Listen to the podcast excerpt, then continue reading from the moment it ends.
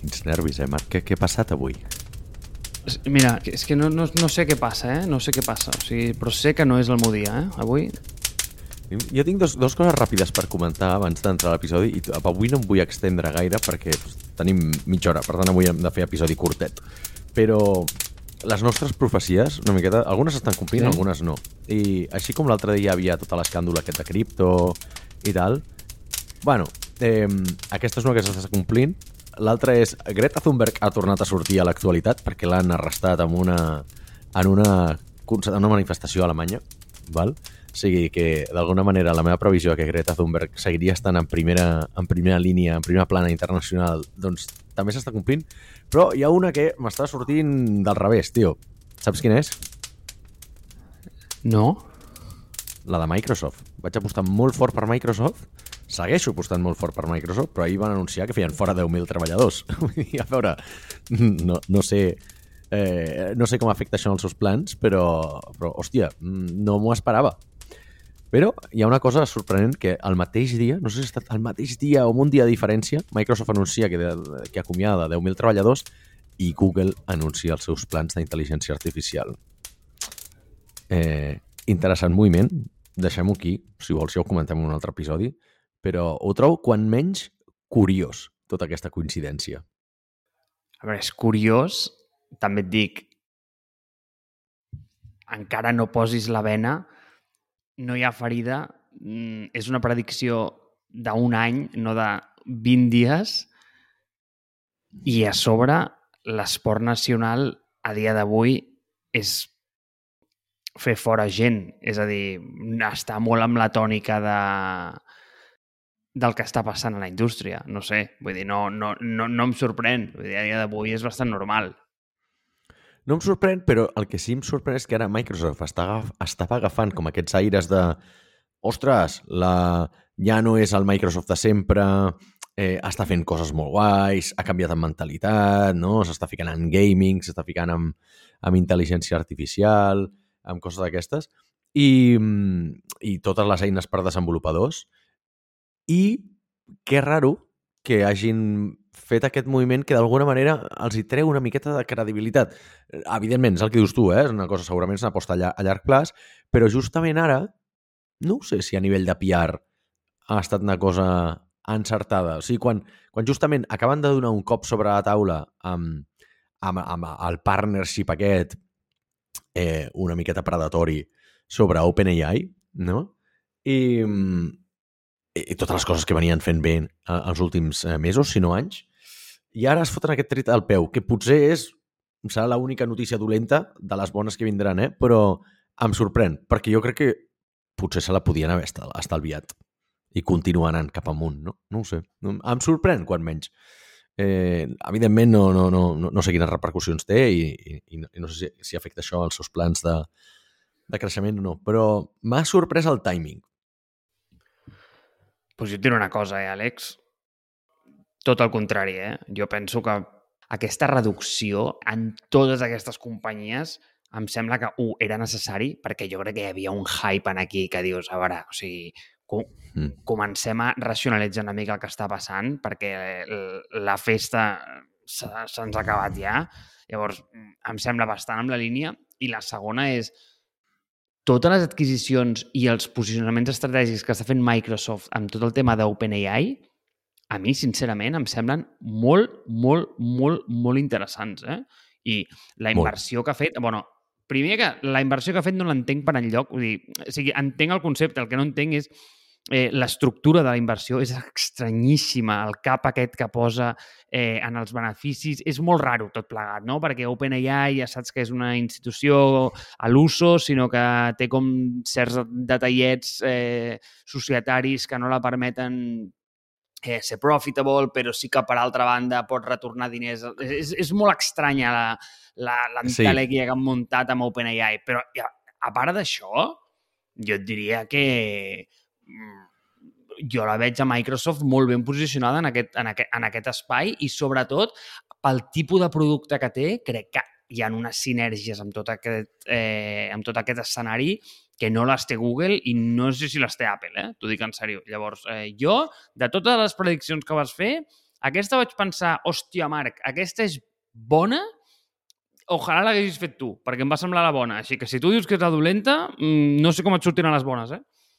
No, no, no dic que sigui la, la dolenta, però que dic que, ostres, aprofitant la bona dinàmica que portaven, em sembla estrany que hagin fet un moviment com un pas enrere, però de vegades un pas enrere i tirant de clichés, eh? És per donar-ne dos endavant. Aleshores, potser, potser és això, eh? I potser també és perquè... Però també em sorprèn que quan ho van fer totes, no perquè moltes d'aquestes ho van fer a l'estiu de l'any passat, per què no ho fas aleshores aprofitant la vinentesa que ho està fent tothom i així ets un més un i quedes més difuminat, no? Si el teu missatge de Microsoft ha, ha, ha fet fora a 10.000 persones quan Twitter havia fet fora doncs, també no sé quantes mil i, i Apple i Amazon no sé què, et queda més diluït, no? Si ho fas com en la mateixa setmana, entenc que, que no són processos senzills, no? Però em sorprèn que arribi sis mesos tard i que ara se li ha posat bastant foco, no? De com, ostres, mira Microsoft, dius, ja, però mira tots els d'abans, diuen, ja, ja, però mira Microsoft ara, saps? Eh, si, I tinc la, tinc la impressió que si ho hagués fet... I moltes empreses ho van admetre, eh, que havien fet fora um, de forma massiva molta gent perquè en, en, en un determinat moment perquè van dir és que en comptes de fer-ho més endavant i que ens afecti molt en temes d'imatge, ho fem ara, que ho està fent tothom i passarem desapercebuts.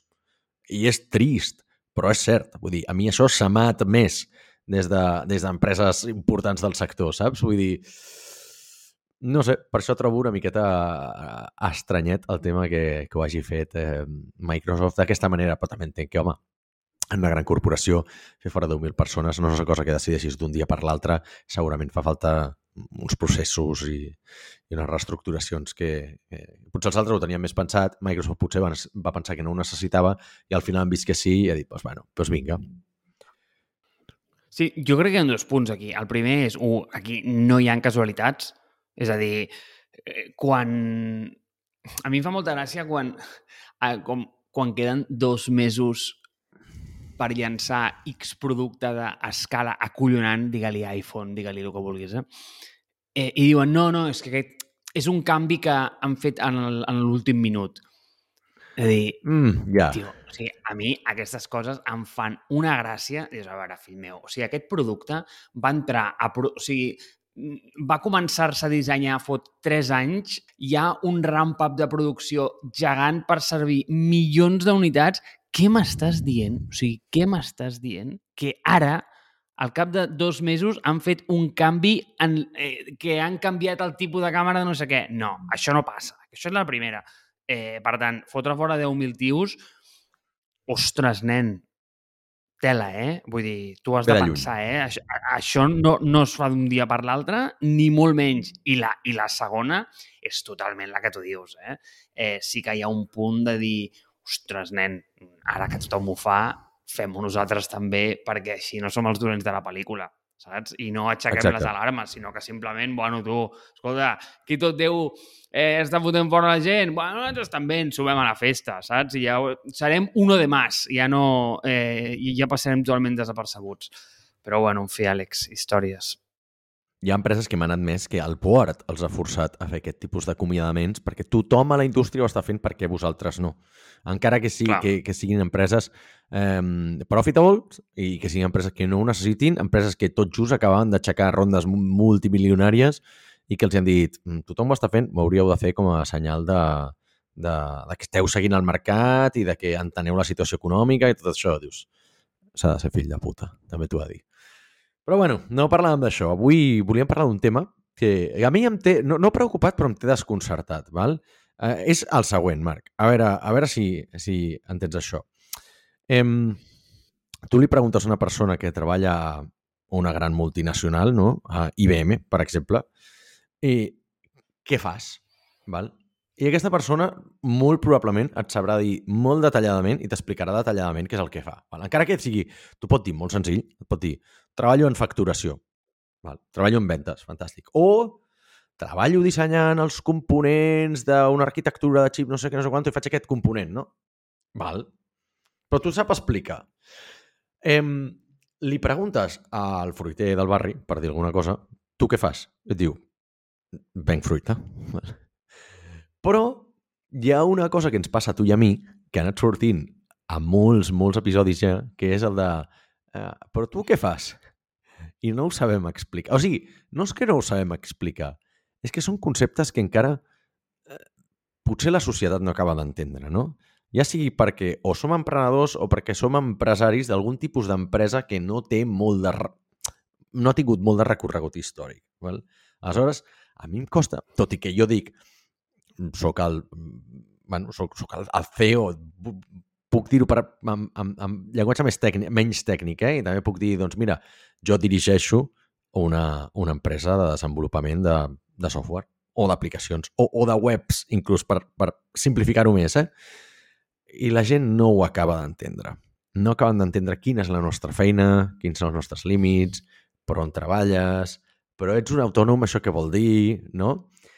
Totes aquestes coses tenen certes implicacions, perquè no només és l'exemple que posem sempre de si això li he d'explicar a mon pare, a ma mare, a la meva tieta, al meu avi, etc etc. més o menys ens caurem en aquesta casuística. Però és que jo em trobo que tinc problemes amb els bancs. Amb els, els bancs no entenen el que faig. Els dic que sóc empresari i que dirigeixo una agència. Sóc l'única persona que dirigeix una agència en aquest planeta, Marc? Igual ets l'única persona que dirigeix una agència sana.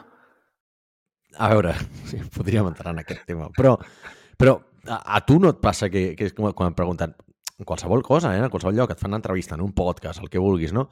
Explica el que fas. O sigui, tu com defineixes què és el, a què et dediques? A veure, això és una conversa que entra en, en molts fronts. El primer és, un, a la vida has de saber quines guerres entrar i quines no, o sigui, quines pots guanyar i quines no. Aquesta és una que ja he perdut, vale? vull dir, per tant, ja no, no m'esforço. Val? Eh, crec que a vegades seria divertit com mm, dir mentides i, i, i veure què passa. És a dir, dir, bueno, escolta, mm, a què et dediques tu? Ah, jo soc escalador. O sigui, en sèrio, tal, escalador? Sí, sí, sí, em dedico a escalar per la vida. Tal, no sé eh, igual podria ser interessant Val. com veure què passa, eh? Vull dir, com a experiment social. A mi aquestes coses em flipen. Però és que el problema és que no vull ser l'avi tribuner un altre dia, eh? Però és que el problema Vinga. és el de sempre, Àlex. És que a la societat li flipa posar etiquetes. Diu, doncs, l'Àlex és guitarrista, l'Àlex és nedador, mm, l'Àlex és corredor. És a dir, com vincular identitats i etiquetes a les persones. Perquè així a la gent li és més fàcil, no? És a dir, quan tu vas a comprar mm, una taronja i et diuen que, hosti, no, una, aquesta taronja ve d'un cultiu de Lleida. Home, doncs ja saps que ve d'un cultiu de Lleida i ja veus, i ja, ja, ja, ja te la cataloga la ment, no? És eh, orgànica, és local, és de proximitat, eh, el que sigui, no? I és l'exemple de la taronja perquè és molt, és molt trivial, però eh, què passa quan les feines i per mi aquí és on em ve el problema, eh? Quan les feines es mouen de l'espai físic, és a dir, ja no ets una persona que interactua amb un espai físic, és a dir, no ets un... Com es diu un lenyador? Un... Llenya, llenyataire. Un llenyataire, tio, ja no ets un llenyataire que és molt clar el que fa un llenyataire. Té una destral i talla un arbre, saps? Llavors, aquesta persona està interactuant de manera molt directa amb un entorn físic, llavors es pot entendre molt bé el que fa, no?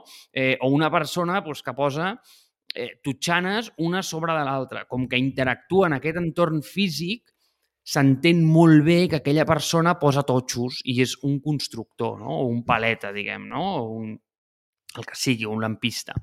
Però en el, món, en el moment en què aquesta analogia la portes al món digital, es fa extremadament complex. Primer, perquè el món digital no l'entén ni el tato. La segona és la... Anem a dir com la capilaritat de treballs que hi han en allà és, és infinit. És a dir, de la mateixa manera que mm, quan poses un producte digital al mercat la seva escala és infinita, també ho és la seva complexitat, no? És a dir, perquè inclús tu pots dir, no, mira, escolta, és que jo sóc dissenyador, però Estàs segur que ets dissenyador? Igual ets dissenyador de, de la interfície, igual ets dissenyador gràfic, igual ets el dissenyador del copy, saps? Eh, igual ets un entrevistador que el que fa és que treu insights per poder, després poder dissenyar. Eh, diu, ja com les... Eh, els verticals són infinits, no? Eh, I llavors, a més t'abstraus cap a sobre, és a dir, a menys concreta és la teva feina, perquè igual, mira, un UX copywriter, igual li pot explicar a la seva mare, potser, no ho sé, no estic molt segur, el que fa, que és dir, mira, jo faig la enginyeria d'aquests textos, no? És a dir, jo dissenyo què llegirà una persona quan entra allà. Bueno, bueno, igual no entens res, no? No entens absolutament res, però, eh, però veus més o menys per on va la cosa, veus què toca, no? Veus físicament què toca. Però, a més, t'abstraus cap a sobre és a dir, a més vas sortint i ets com aquesta persona que està tocant mil pals i clar, i si ets un generalista ja, que et vagi bé amb la vida. En el moment en què comences a sortir cap a dalt, llavors ja és, és, és absolutament inexplicable, perquè ja la complexitat de, del producte que gestiones per sota és impossible. És, és, és... A veure, t'ho puc explicar tu i, i segurament ho entendràs, però, però no ho entendràs per un tema de que comprens el que hi ha sota. Ho entens per un tema d'empatia, macho, perquè tu fas el mateix. És que um, jo la, la, vaig tenir la reflexió, saps allò que diuen uh, en anglès que es diu shower thoughts, no? O sigui, els pensaments a la dutxa, no? O sigui, que diuen, els pensaments a la dutxa, doncs, solen ser molt bons. bueno, perquè probablement és l'únic, és un dels pocs moments al que estàs eh, molt present en la teva situació i li dones més importància que, o sigui, no, o no tens tantes distraccions que, que, que interrompen la teva cadena de pensament, no? I per això solem tenir ocurrències molt bones a, a la dutxa. Eh, jo no només a la dutxa, en altres moments també tinc aquests, aquests moments de, de, de claredat de pensament. I un d'ells va ser el de per què passa això? És a dir, vaig pensar, està relacionat amb el tamany de l'empresa? És a dir, la gent que treballa en una gran empresa se li dona millor poder explicar el seu títol o el seu rol a l'empresa més que les empreses petites? I dic, no, perquè he posat l'exemple d'una persona que treballa a IBM o HP i és fàcil que puguin explicar el seu, el seu rol, no? I jo conec gent que treballa a Salesforce, que treballa a Google, que treballa no sé què, i tots tenen com un, un rol molt clar, ho expliquen molt ràpid. Jo em dedico a això. Val? Em, però després vaig pensar, dic, però després en empreses molt petites també també passa, no? Em, per exemple, el que deia abans, no? el d'un botiguer de barra, hòstia, va agafar una farmàcia, qualsevol, està clar què fa, no? Tampoc és una cosa que depengui de l'eix producte versus serveis. Perquè pensar, dic, calla, potser és perquè jo estic en serveis. I aleshores la gent que té, que ven peres, val? doncs el seu producte és la pera, no? I, bueno, no pun intended, no? Però vull dir, m'ha sortit aquí la, la, la, la broma dolenta sense voler. Però vull dir, si tu tens un producte que és una pera, és fàcil, venc peres, no? I aleshores dius, ja, però és que els serveis també són molt, molt fàcils d'explicar. No és que jo no ho sàpiga explicar perquè jo faig serveis, no, perquè tu vas a un advocat i et dirà, soc un advocat. Ja està. Doncs aleshores tampoc és tan difícil, no? O una cirurgiana, no sé, qualsevol altra eh, persona que estigui donant, donant serveis. Però què passa? Jo crec que té a veure amb que nosaltres estem o en el món digital o, o que la tipologia de les nostres empreses és molt més multidisciplinar. Val? El que deies tu, la capilaritat del tipus de tasques que has de fer en una empresa 100% digital o 80% digital és molt diferent, perquè l'empresari de barri també ha de fer totes aquestes coses. El que passa que potser les fa a una diferent escala o no li dona visibilitat ni importància. L'empresari de barri ha de mirar contractes, ha de fer facturació, ha de pagar hisenda, ha de contractar gent, ha de fer fora gent, ha de fer un mínim de màrqueting, ha de fer branding, però és veritat que segurament no ho fa a l'escala o amb la freqüència que ho fem les empreses més ficades en el món tech perquè estem més exposades al canvi. Perquè, hòstia, jo igual, o sigui, jo com a, com a CEO de Marsbase, la meva principal preocupació és fer que l'empresa creixi, que vagi cap a dalt i cap a la dreta en termes de gràfiques de creixement, facturació i, i, benefici.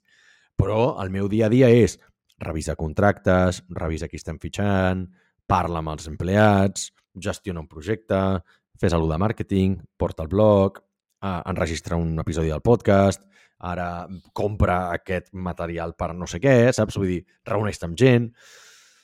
I llavors em pregunto si és una cosa que ve del nostre sector i, clar, com fa que aquesta indefinició doncs, ens afecti en com ens relacionem amb la gent, perquè em passa molt que 9 anys després d'haver creat la puta empresa, encara hi ha gent que em pregunta però tu exactament què fas? O què feu? No? I em rebenta. No sé si és perquè la gent viu en aquesta permanent distracció de l'escassedat d'informació que no té cap tipus de retentiva o és que realment nosaltres fem massa coses o jo faig massa coses i dono un missatge confús.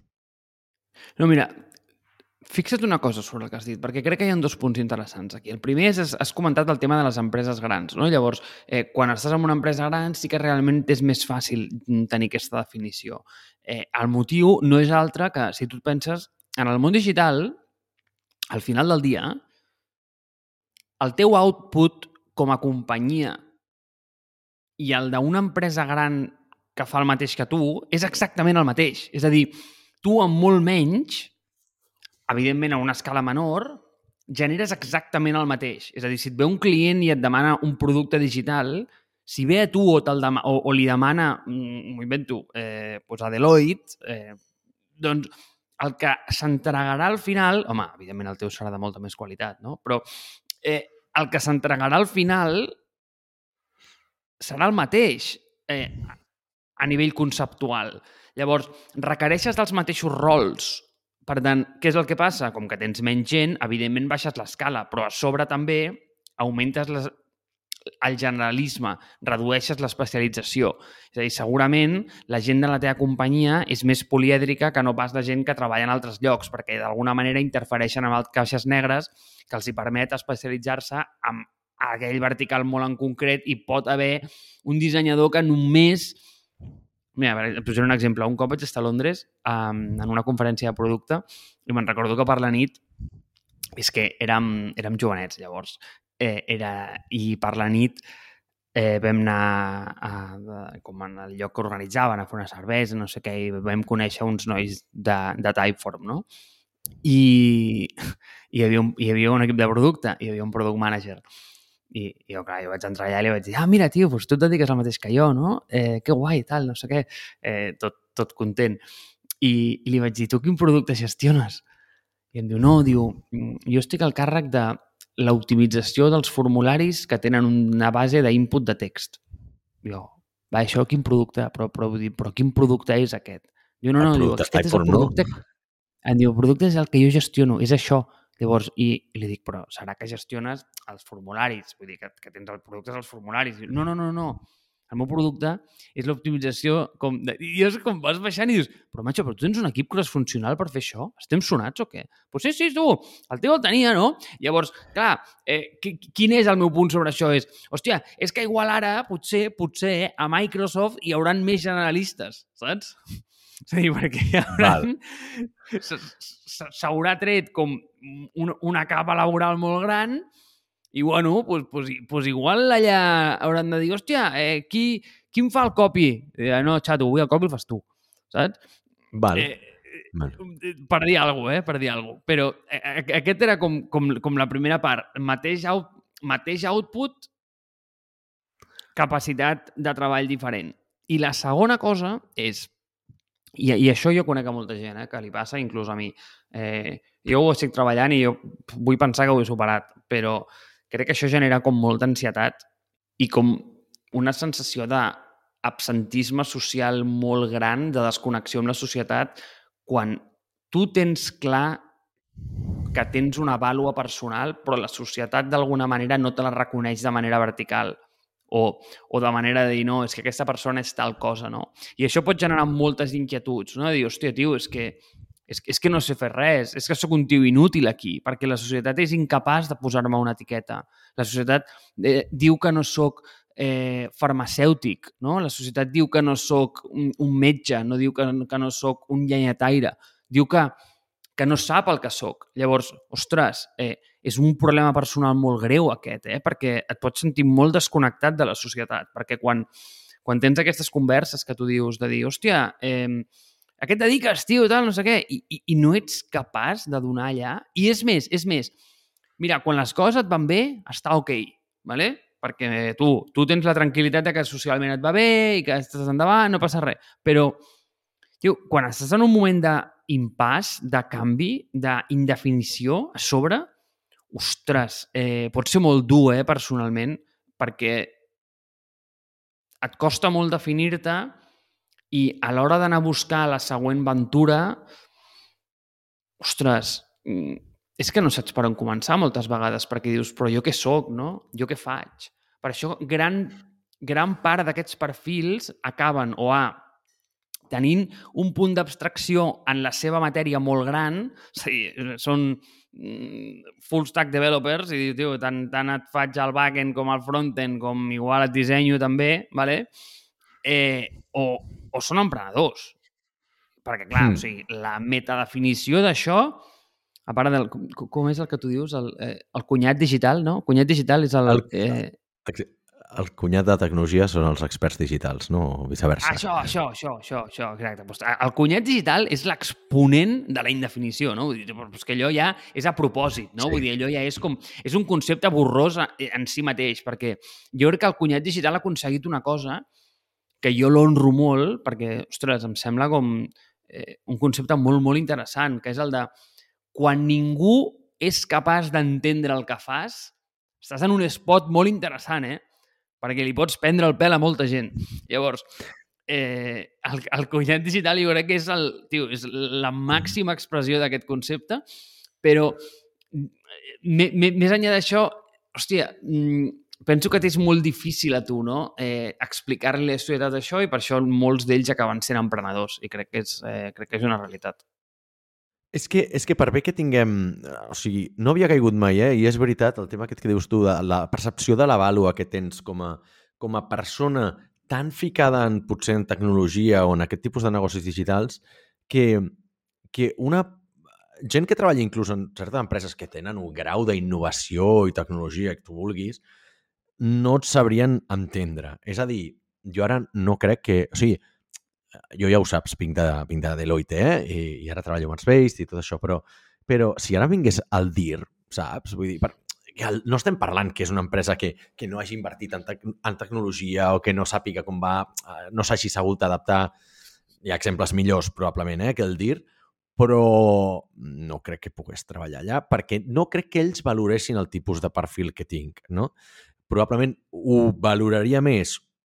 Bueno, el sector tradicional tampoc ho crec. O sigui, jo ara si em fitxés Deloitte, mmm, com a molt, no sé si em... Jo tinc dubtes de que em posessin com a, com a gerent d'alguna àrea, perquè diuen, bueno, si ja, si els meus gerents ja tenen una quota de mercat que han de vendre doncs, de 3 a 5 milions l'any, no? Dic, hòstia, doncs jo no venc això en Marsbay, saps? Per tant, no sé fins a quin punt es valora això, però però hi ha altres coses que també no acabo de saber poder explicar, que és, per exemple, la gestió del temps, que jo crec que donaria per un altre episodi de, de com, com gestiones tu els temps de, de treballar, no? O sigui, com expliques tu a la família eh, o als amics o a l'entorn més proper el per què un dilluns has de treballar 10 hores i el dimarts pots treballar-ne 5 i agafes aquest dimecres lliure però tu canvies per un dissabte i per què de vegades tens trucades als Estats Units o no, per què mai dues setmanes són iguals, per què et pots permetre com fer breaks enmig del dia i, saps? Vull dir, com ser tu el, el teu propi amo el, en la gestió del, del teu temps. Jo crec que és la cosa que més valoro de, de l'emprenedoria, no? Eh, fent palesa aquella dita que diu que eh, per ser emprenedor, o sigui, un emprenedor és aquell que viu molts anys amb condicions que ningú altre voldria poder tenir per després poder viure amb les condicions que ningú té, no? O sigui, sent el, el mestre del teu propi, propi temps, probablement cobrant més del que, del que, del que hauries cobrat en, en el teu sector en feines anteriors o mm, pràcticament doncs, treballant amb els projectes que a tu t'agraden, no? si, les, si les coses van bé i amb les condicions amb les, que, amb les que tu vols treballar. Però a mi em segueix, just, em segueix causant aquesta... No sé, potser sóc jo, eh, que no, no, no em sé explicar. Potser perquè li vull donar molta importància a totes les coses que faig, perquè crec que és... No, sé que no és igual d'important que jo faci el podcast de Mars Based i que escrigui el blog que que vengui dos milions d'euros l'any per l'empresa, no? I crec que la feina principal d'un CEO és la, la, la venda, la supervivència econòmica d'una empresa, no? el creixement però potser sóc jo el que li poso molta, molta importància i el que dèiem, no? El senyor o senyora que ven peres diu tot jo venc peres.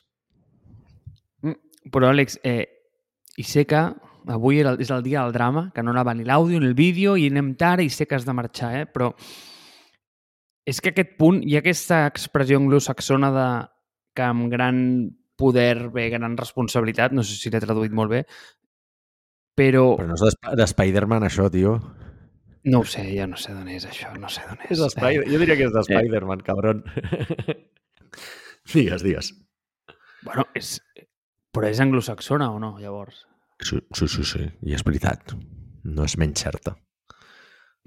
Però vull pensar que no tothom li posa a la part laboral un pes tan important a la vida i a vegades és millor que et diguin ei, eh, et guanyaràs bé la vida fent això, mm, fes això, tu ja d'alguna manera tens com una manera molt clara d'omplir el teu calendari, que d'altra banda fer-ho al revés, que és que tu te l'has d'omplir, perquè això és una feina en si mateix, eh? I quan dic te l'has d'omplir vull dir que t'has de buscar la feina. Jo al final penso que hi ha moltes coses que si mires de la gent et descriu molt qui és, no? abans deien que, tio, per dir-me qui ets ensenya'm la, la llista de l'iPod, a mi em sembla com, tio, per dir-me qui ets ensenya'm el teu calendari, ensenya'm com fas, ensenya'm com, com, com passes el teu temps. I, i, i, i veuràs molt clarament com és cada persona, no? Però de fet aquí, i, i, i torno al que deia abans, eh? A, a mi no sé quina conclusió en trauries veient que jo cada setmana tinc diferent. Tinc setmanes com aquesta setmana que tinc reunions de 9 a 9, perquè ens entenguem, i hi ha setmanes en les que tinc dos reunions en tota la setmana. Vull dir, no sé, potser també explica que sóc una persona bastant, bastant caòtica i anàrquica, eh? però, però és veritat, si mires el, si mires el, el, el calendari d'una persona, estic d'acord que pots fer una, una radiografia, i sobretot les persones que no en tenen també. La resposta depressiva eh, a la teva pregunta seria que et diria que si tens aquest calendari tan indefinit és que no ets ningú, saps? Però la bona resposta és que Tio, igual com Spider-Man, ets un superheroi, Àlex.